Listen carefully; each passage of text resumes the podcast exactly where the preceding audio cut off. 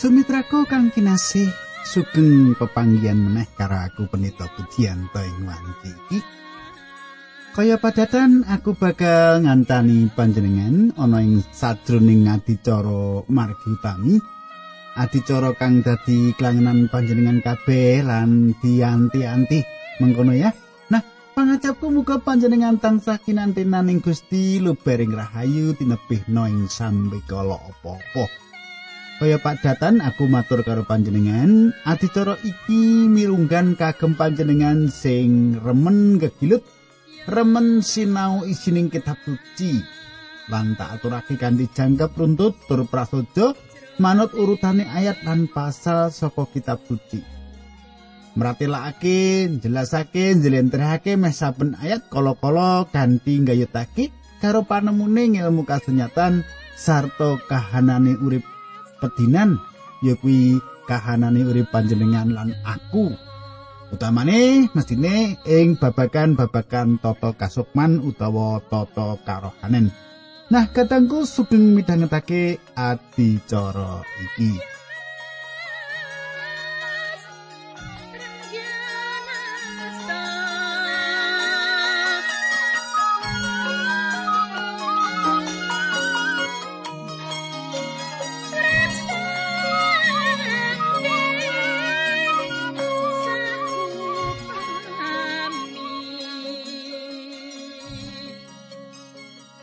Mitraku, tak suwun panjenengan isi kelingan apa-apa sing ndaturake ing pepanggian kepungkur. Nalika pepanggian aku ngaturake manawa wong wadon kenani wong wadon kanaan iku suwaning Gusti Yesus sinadyan dikandhake asu nanging tetep wae nyuwun karo Gusti Yesus. Nanging sadurunge tak teruske ayo ndedonga dhisik Kanjeng Rama ing swarga kawula ngaturaken kuing panuwun menawi wekdal menika kawula saged sesarengan sedherek-sedherek kawula ingkang setya tuhu midhangetaken adicara menika.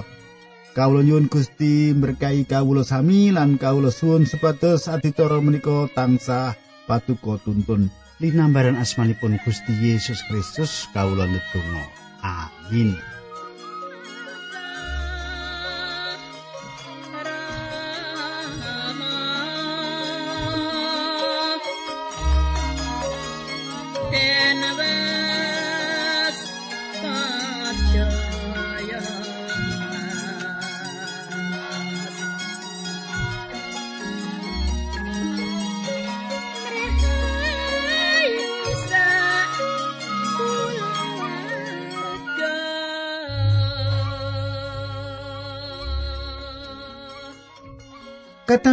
Kang dak tresnani saiki aku nerusake wulangan kang wis tak aturake nalika patemon kita kang kapungkur. Katangku senajan dingendikani kanthi sereng. Wong wadon kenani mau dipadhake karo asu dening Gusti Yesus. Wong wadon kenaan iku tetep nyedak marang panjenengane supaya bisa antuk sih pitulungan. Supaya bisa antuk sih pitulungan. Panjenengan wis nyawisake kitab suci apa dirung disiapke dhisik. Aku arep maca Injil Matius 15 ayat 17 ing basa pedinan. Matius 15 ayat 17 ing basa pedinan. Kasinggian Gusti wangsulane wong wadon mau ing senadyan segawon rak inggih angsal nedha tiran saking mejaning bendaranipun. Ayat 12 Gusti Yesus banjur ngendika marang wong mau, "Ibu gedhe temen pengandalmu." Kelakon apa sing kok karepake senalika iku go anake wadon mau waras. Kadangku ing wasana Gusti ngudane nyuwune wong wadon mau jalaran apa? Jalaran percayane. Menawa panjenengan percaya karo Gusti Yesus kanthi tememen apa sing jenengan suwun bakal diudaneni kanthi iman kanthi pracaya. Saiki diterusake ayat 29. Gusti Yesus nuli nilar papan kono sarta tindak ing sauruting pasisir tlaga Galilea. banjur minggah ing gumuk sarta lenggah ana ing kono. Wong akeh nuli padha teka nggawa wong pincang, wong wuta, wong lumpuh, wong bisu lan akeh wong lara liyane. Wong-wong mau dipapanake ana ing sacedhake sampeyane Gusti Yesus. Gusti Yesus yo nuli marasake wong-wong mau. Kadangku, akeh banget tondo pangeramera. Tondo mukjizat sing ditindakake dening Gusti Yesus kanthi mengkono ora ana siji wae wong sing bisa nyelaki nampik pakaryane mau. Ayat telung puluh siji. Wong akeh sing padha ana ing kono kabeh padha gumun banget. Sebab padha ndeleng wong bisu bisa taturan. Wong pincang mari pincangi, wong lumpuh padha bisa mlaku lan wong wuta padha bisa ndeleng wong akeh Israel. Saiki ayat 32. Gusti Yesus nuli nimbali para murid lan dingendikani, aku mesakake karo wong akeh iki. Wis telung dina nggone ngetutake aku mongko saiki wis ora ana sing dipangan. Aku ora mentolo akon wong kuwi mulih kanthi weteng luwe. mengko mundak padha ambruk ana ing dalan. Kadangku kang dak tresnani. Penggalihe Gusti Yesus ternyuh banget ndeleng wong akeh sing padha ngumpul mau. Ndeleng keringkihani. Ndeleng dayane kekuatane wis suda. Panjenengan apa nek ndelok wong liya rekoso sengsara uripe apa ya ternyuh apa ya menggalihake kaya Gusti Yesus iki. Namung jenengan uji dewi batin manah panjenengan. Ayat telung puluh telu. Para murid banjur padha matur, kados pundi angin kawula saged tumbas tetedan ing pangginan ingkang sepen makaten. Cekap bangit yang semanten kathahipun, kadangku. Lelakon iki meh kaya lelakon nalika Gusti Yesus maringi mangan marang wong limang ewu. Ing kene kita bisa ngerti yen tumanggape para murid Gusti. Kita ngerti kepiye pikiran-pikirane para murid. Kadangku sing dak tresnani Matius 15 ayat 34 ngendikake mangkene pangandikane Gusti Yesus kowe padha duwe roti piro aturi para murid wonten roti pitu lan ulam alit-alit sawetawis ayat 35 Gusti Yesus nulindawi wong akeh mau supaya padha lungguh ing lemah. Ayat 36. Sawise mengkono Gusti Yesus banjur mundut roti pitu lan iwak-iwak mau nulis saus syukur marang Gusti Allah. Roti-roti lan iwak-iwak mau nuli dicuwil-cuwil banjur diparingake marang para murid. Dene para murid mau nuli ngedum-dumake marang wong akeh mau. Ayat 37. Wong kabeh padha mangan nganti wareg. Sawise kuwi para murid nuli nglumpukake sisane roti lan iwak, akeh nganti pitung rinjing kebak ayat 38. Cacahe wong lanang sing padha melu mangan ana 4000, durung kapitung wong wadon lan bocah-bocah. 39. Sawise kuwi Gusti Yesus banjur ndawuhi wong-wong mau supaya padha mulih. Panjenengane piyambak nitih prau tindak menyang wilayah Magadan.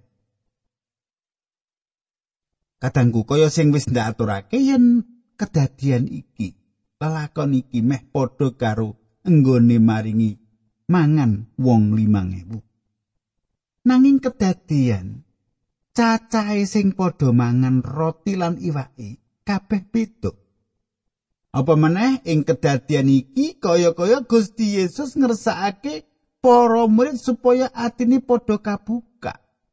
Nuli ngakoni yen panjenengane iku satuhune Mesias juru wilujeng. Para murid pancen kendo pangraitani lan ketul nalari kanggo ngerti apa kersane Gusti. Mbok menawa panjenengan aku uga duweni watak wantu sing padha karo para murid mau. Ketul ora ngerti yen sing dikersakake Gusti Allah iki kepiye panggraita kita kurang landhep Kadangku kang ndak tresnani wong Parisi lan Saduki nyuwun pratondo sing sak temene nyoba marang Gusti Yesus. arep ngolo panjenengane supaya bisa kapatrapan aturan adat. Matius 16 ayat 1. Kacariton ana wong Farisi wong Saduki padha suwani ngarsane Gusti Yesus arep nyoba marang panjenengane. Wong-wong mau padha nyuwun supaya Gusti Yesus kersa damel mukjizat kanggo mbuktekake yen panjenengane kuwi utusane Gusti Allah. Ayat loro. Gusti Yesus ngendika, "Yen sore langite katon abang, sumilak kowe kondo iki bakal terang." Ayat telu. Dene yen esuke langite katon abang lan mendung, kowe tondo mengko bakal udan. Kowe padha bisa ngramal tekane udan lan terang srana ndeleng tondo-tondo sing ana ing langit. Nanging tondo-tondo jamane kowe padha ora ngerti. Kadangku kang dak tresnane ing pasar rolas Gusti Yesus maringi tandha mukjizat Nabi Yunus. Nanging nalare para parisi lan saduki ora nyandak. Malah pasemon bab tandha wernane langit padha ora ngerti. Apa maneh tandha-tandhane jaman. Saiki Matius 16 ayat 4. Kowe wong ala lan wong duraka arep nyuwun pertanda ora bakal keparingan kejaba pertandane Nabi Yunus. Sawise ngendika mengkono, Gusti Yesus banjur nilar wong-wong mau. Katengku pratandha wis diparingake. Nanging atine wong-wong mau bundel. Ora bisa ngerti apa meneh percaya. Lan pandugani duwe pikiran yen Gusti Yesus iku lamis lan kagungan kersa ingkang duraka. Saiki ayat 5 Matius 16 nganti 6 nganti pitu tak wacake. Nalika para murid Gusti Yesus tekaning sabrangi tlaga lagi padha kelingan yen ora nggawa roti. Gusti Yesus ngendika padha diawas bab ragine wong Farisi lan wong Saduki. Ayat pitu. Bareng krungu pangandikane Gusti Yesus mau para murid padha rasanan. Panjenengane ngendika mengkono kuwi mestine merga kita padha ora nggawa roti. Kadangku ya to, para murid darak cepet nalare. Ragi sing dikersake Gusti Yesus sing kene gegayutan ragi iku ateges pengaruh sing ala. Sing dikersake Gusti ing kene ya kuwi pengaruh-pengaruh sing ala. Ragine para parisilan saduki tegese pengaruh alane wong parisilan wong saduki dudu roti kaya sing padha diomongake para murid iki. Salah tompo. ya ta? Panjenengan dibilang Pak Pendeta ya ning gereja ya. Salah tompo ya ta? Nah, ayat 89. 10 11 ya. Gusti Yesus pirsa apa sing padha dirembuk mulane banjur ngendika ya kene kowe padha rasanan bab nggonmu ora nggawa roti. Kowe wong sing cupet ing pengandhet. Apa kowe padha ora kelingan roti limo sing ndak cuwil-cuwil kanggo menehi mangan wong 5000 kae? Pirang wakul sisane sing kok klumpukake? Lan roti pitung iji sing kanggo wong 4000 kae, apa kowe ya wis lali? Pirang rinjing sisane sing kok klumpukake? Yo gini, kowe kok ora ngerti yen sing ndak karepake dudu roti kuwi mulane padha diawas bab ragine wong Farisi lan wong saduki.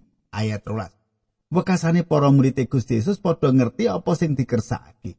Gusti Yesus dawuh supaya padha waspada dudu ragi sing dinggo gawe roti nanging supaya padha waspada bab piwulangi para wong Farisi lan wong saduki.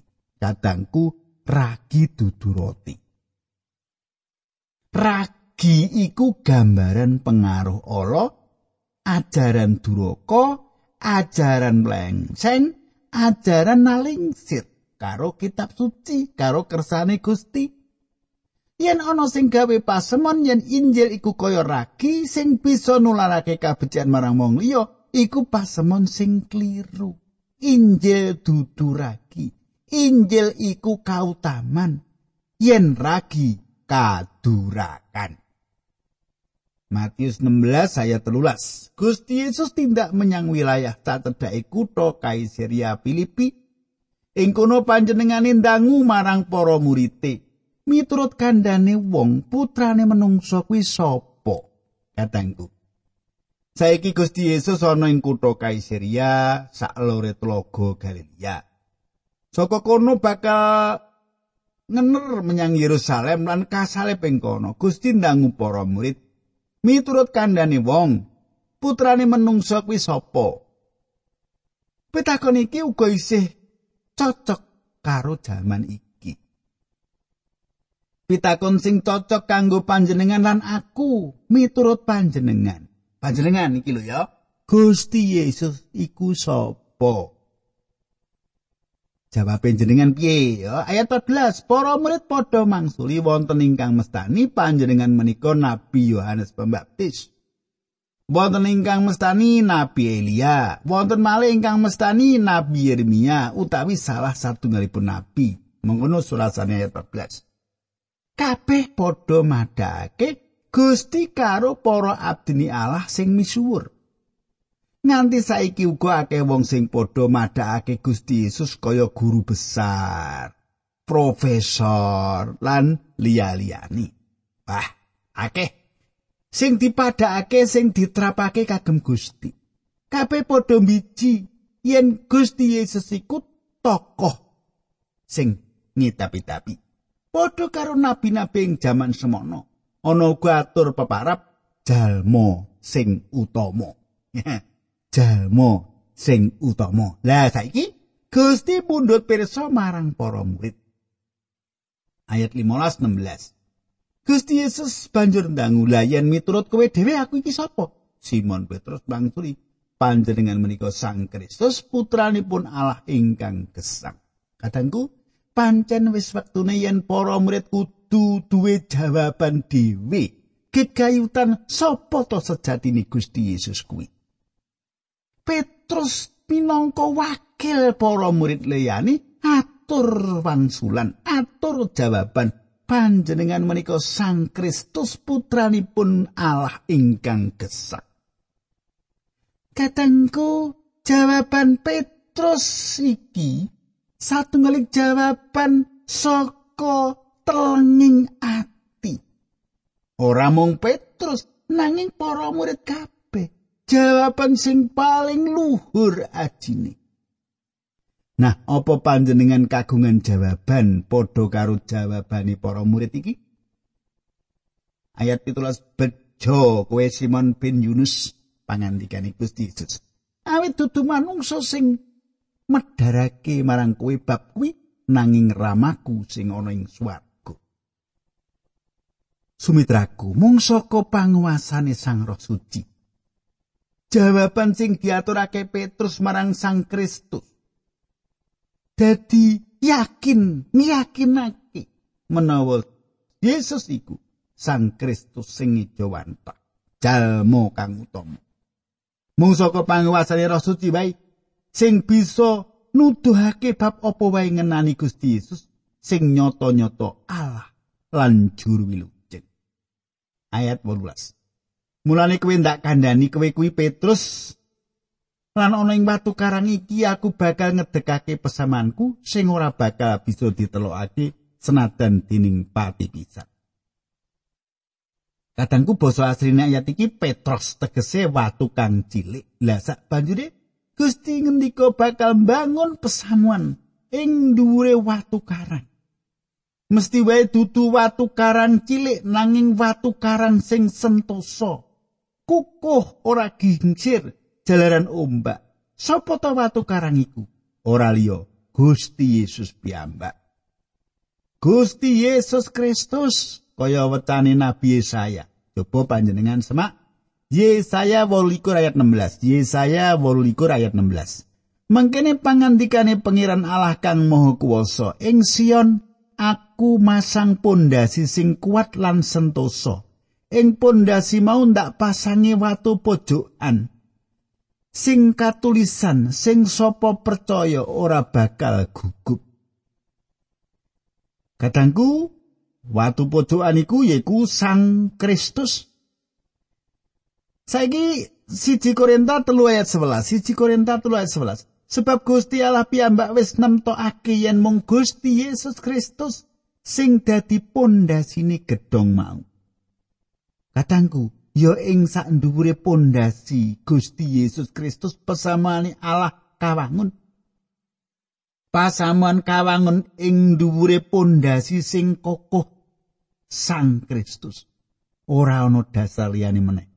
Kajaba Sang Kristus. Nek panjenengan bangun pesamuan landesane ora liya yaiku Sang Kristus. Matius 16 ayat 19 kowe bakal ndak pasrai kuncining kratoning Allah. Apa sing kok taleni ana ing bumi kene bakal ditaleni uga ana ing swarga. Lan apa sing kok uculi ana ing bumi kene kuwi uga diuculi ana ing swarga. Katengku kunci kaswargan diparingake marang sapa sing duweni pengaken sing padha karo pengakene Petrus. Panjenengan menika Sang Kristus putrane Allah ingkang keseng ayat 30 Sawise kuwi Gusti Yesus banjur dawuh marang para murid supaya aja kandha-kandha marang sapa wae yen panjenengan kuwi Sang Kristus. Katangku, yen mung ngerti yen Gusti Yesus iku juru wilujeng putrane Allah ora bakal nyelametake. Sing ngerti lan percaya iku sing bakal kawilujengake. Nek jenengan mengerti oh Yesus ku juru selamat ning jenengan ora percaya, jenengan ya ora diselametake karo Gusti, ngono lho. Nah, Matius 16 ayat selikur. Wiwit nalika kuwi Gusti Yesus mblakakake marang para murite mengkini, aku kudu lunga menyang kutha Yerusalem lan bakal dianiaya dening para panggedhe, para pangareping imam lan para ahli Taurat, aku bakal dipateni nanging ing telung dinane bakal ketangekake. Katangku, kabar iki kabar sing luhur, kabar sing mulya, kagem panjenengan lan kabeh menungsa sing isine Gusti Yesus sedo kanggo nebus dosa-dosa kita. Nuli dipetak, dikubur lan wungu meneh saka antarané wong mati. Panjenengan wis pirsa iku mau kabeh? Apa durung? Dereng Pak, ya saiki sinau ning cedhake panjenengan karo gereja ya njaluk tulung Pak Pendeta, apa wong Kristen liyane, apa to karepe iki gitu. Nah, Saiki ayat 23. Petrus tuling geret Gusti Yesus nyisih lan matur marang Gusti Yesus aturi Gusti Allah nebihno panjenengan saking perkawis menika. Panjenengan boten pisan-pisan badhe ketaman ingkang kados mangkaten menika. Kadangku Petrus nduweni panemu yen Gusti Yesus sing putrane Allah. Juru wilujeng ora bisa nandang kaya ngono iki. Gusti ora kena disalib Salib iku kanggo wong dosa wae. Ayat 23 nanging Gusti Yesus balik sarta ngendika marang Petrus. Sumingkira, iblis kowe ngalang-alangi aku, pikiranmu kuwi pikirane menungso dudu apa sing dikersake dening Gusti Allah. Ayat 24 Sawise kuwi Gusti Yesus banjur ngendika marang para murid menawa ana wong ngarep nderek aku kuwi kudu nyingkur awake dhewe banjur ngangkat saripe lan ngetutake aku. Kadangku Gusti kudu kasalib dadi korban dosane menungso. Dadi tumbal banten kanggo dosane menungso. Iki kasunyatan. Malah sing nampik kasunyatan iki kesasar melenceng sing bener Gusti sedo kasalib kasareake nuli wungu saka sedani. Sing nampik kasunyatan iki wong iku kesasar. Wong iku mlentek. Matius 16 palikur selawe 16 ya ayat iki mau tak wacake. Saise kuwi Gusti Yesus banjur ngendika marang para murid Menawa ana wong akeh nderek aku kuwi kudu nyingkur awake dhewe banjur ngangkat salipe lan ngetotake aku. Awit wong sing ngudi nyelametake uripe kuwi bakal kelangan uripe. Nanging wong sing kelangan uripe ing donya kene merga saka nggone nderek aku kuwi bakal ngalami urip sing sejati lan langgeng. Apa gunane yen wong darbeni barang sedonya kabeh nanging kelangan uripe ing sejati? Mesti ora ana gunane. Urip kuwi ora kena dilirokake kanggo barang apa wae katangku. Petrus didukani dening Gusti Senadyan lagi wae kanthi roh suci atur jawaban nanging durung suwe iblis uga bisa ngapusi atine. Nderek Gusti kudu kanthi sawutuing urip ora separo-paro, gembleng ing ati, golong gilik. Matius 16 ayat 17 putrane manungsa ora suwe maneh bakal rawuh ngagem kamulyan Kang Rama kadherekake dening para malaikat ing kono panjenengane bakal ganjar saben wong miturut penggaweni dewi-dewi kadangku saben wong sing ora gelem babar pisan ngalami rekoso nalika padha manjing dadi murid bisa kelangan kawilujengane ing tembe mburi ayat 21 Titerono panunggalanmu iki ana sing ora bakal mati yen durung ndeleng putrane manungsa rawuh jumeneng raja. Ayat iki klebu ing pasal 17 ing giaran candake bakal ndak terangake marang panjenengan mula panjenengan aja ngantek ngunduh. Ayo ndedonga dhisik. Duh Gusti kawula ngaturaken kuing panuwun. Kawula sampun beberaken kayektosan sinaosa mboten sempurna. Nanging Gusti piyambak ingkang nyempurnakaken dinambaran asmanipun Gusti Yesus Kristus kawula ndedonga. Haleluya. Amin